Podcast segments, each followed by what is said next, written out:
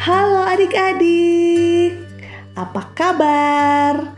Tante berharap apa pun kondisi adik-adik saat ini, kita semua selalu sehat dan semangat. Adik-adik, kita akan mendengarkan firman Tuhan, tapi sebelum itu, mari kita bersatu di dalam doa. Bapa di surga, kami sungguh bersyukur untuk hari yang Tuhan berikan. Saat ini kami akan mendengarkan firman-Mu. Pimpinlah kami agar kami dapat mengerti dan kami siap melakukannya di dalam kehidupan kami. Terima kasih Tuhan. Amin. Nah adik-adik, pembacaan firman Tuhan hari ini terambil dari Lukas 8 ayat 26 sampai ayat 39. Lukas 8 ayat 26 sampai 39. Mari kita baca sama-sama. Lalu mendaratlah Yesus dan murid-muridnya di tanah orang Gerasa yang terletak di, seber, di seberang Galilea. Setelah Yesus naik ke darat, datanglah seorang laki-laki dari kota itu menemui dia. Orang itu dirasuki oleh setan-setan, dan sudah lama ia tidak berpakaian dan tidak tinggal dalam rumah, tetapi dalam pekuburan.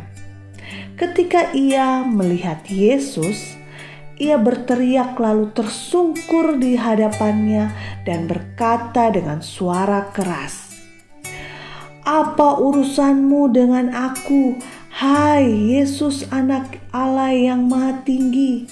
Aku memohon kepadamu supaya engkau jangan menyiksa aku. Ia berkata demikian sebab Yesus memerintahkan roh jahat itu keluar dari orang itu, karena sering roh itu menyeret-nyeret dia. Maka untuk mengan maka untuk menjaganya, ia dirantai dan dibelenggu. Tetapi ia memutuskan segala pengikat itu dan ia dihalau oleh setan itu ke tempat-tempat yang sunyi. Dan Yesus bertanya kepadanya, "Siapakah namamu?" Jawabnya, "Legion." Karena ia kerasukan banyak setan.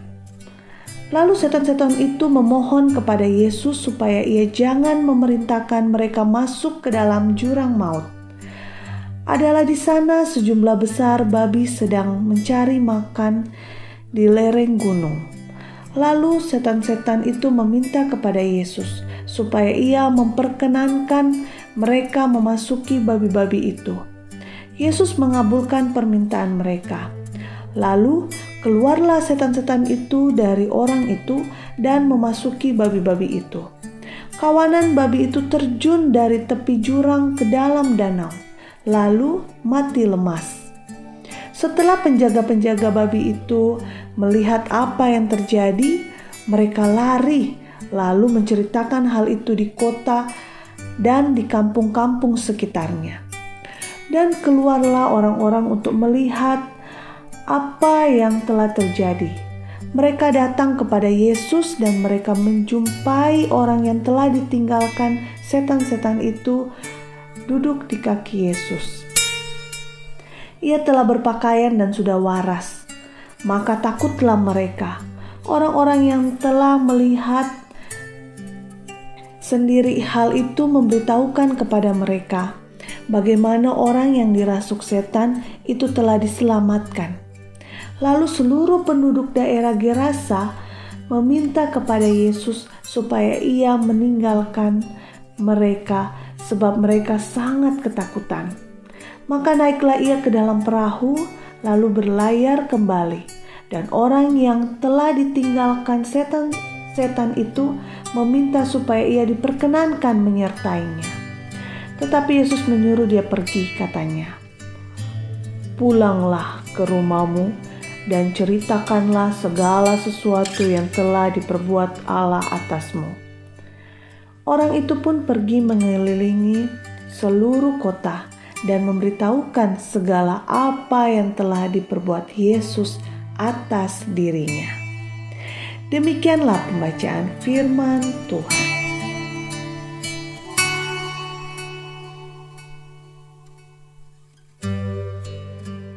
Adik-adik, kita barusan mendengar kisah tentang kuasa Tuhan Yesus yang luar biasa. Saat itu, Tuhan Yesus dan murid-muridnya mendarat di Gerasa. Ia bertemu dengan seorang yang dirasuki sekumpulan roh jahat. Tuhan Yesus berbelas kasihan kepada orang itu dan mengusir roh-roh jahat itu daripadanya. Roh-roh jahat itu memohon agar bisa dipindahkan ke babi-babi yang sedang digembalakan di situ. Tuhan Yesus tidak keberatan sama sekali dan memerintahkan roh-roh jahat itu masuk ke babi-babi itu. Dan apa yang terjadi? Babi-babi itu segera menceburkan dirinya ke dalam danau dan mati lemas. Kenapa ya? Tuhan Yesus tidak ragu memindahkan roh-roh jahat itu ke dalam babi-babi bukankah itu akan menyebabkan kehilangan yang sangat besar? Bukankah itu akan menyebabkan kerugian yang besar? Kenapa terjadi kerugian yang besar? Coba kita hitung-hitung adik-adik. Ada sekitar 2000 babi di sana. Jika masing-masing babi beratnya rata-rata adalah hmm, 100 kg dan harga dagingnya per kilogram adalah 50 ribu, maka nilai kerugian karena tenggelamnya babi-babi itu adalah hmm, 2000 kali 100 kali 50.000. Berapa itu ya? Ternyata adik-adik jumlahnya adalah 10 miliar rupiah. Wow, besar sekali ya. Itu suatu jumlah yang sangat besar. Namun, kenapa Tuhan Yesus tidak ragu-ragu menghilangkan 10M itu hanya untuk menyelamatkan satu orang manusia? Itu karena manusia jauh lebih istimewa, jauh lebih mulia, dan sangat berharga di mata Tuhan. Tuhan juga akan melakukan hal yang sama untuk menyelamatkan kita. Saat ini, kita sedang um, berada di tengah-tengah situasi yang tidak mudah, di mana COVID-19 semakin besar jumlah yang terpapar.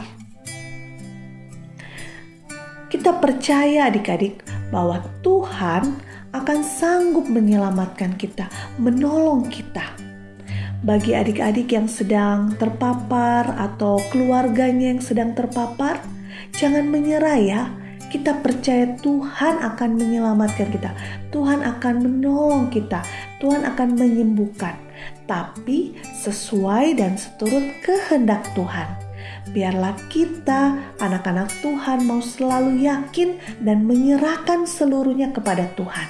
Biarlah Tuhan yang bertindak dan menyelamatkan kita. Yuk, sama-sama kita katakan, "Aku mau menghargai sesama karena mereka istimewa, mulia, dan berharga. Aku mau menghargai sesama karena mereka istimewa, mulia, dan berharga. Kita sangat istimewa di hadapan Tuhan. Yuk, kita selalu mau bersyukur dan kita selalu berterima kasih kepada Tuhan. Kita juga percaya pada pertolongan Tuhan. Mari kita berdoa.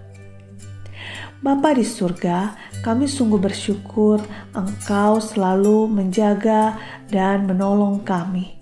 Saat ini Tuhan, kami mohon Engkau menyembuhkan orang-orang yang sedang terpapar COVID-19. Tuhan juga berikan kekuatan bagi tenaga medis yang senantiasa merawat orang-orang yang sedang terpapar. Kami percaya Tuhan, Engkau berkuasa engkau dapat menyembuhkan, tapi dengan cara Tuhan dan sesuai seturut kehendak Tuhan. Biarlah kami anak-anakmu selalu percaya pada kuasamu ya Bapa.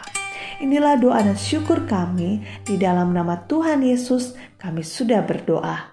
Amin. Sekian renungan hari ini. Sampai berjumpa besok ya. Salam sehat. Tuhan Yesus memberkati. Dadah.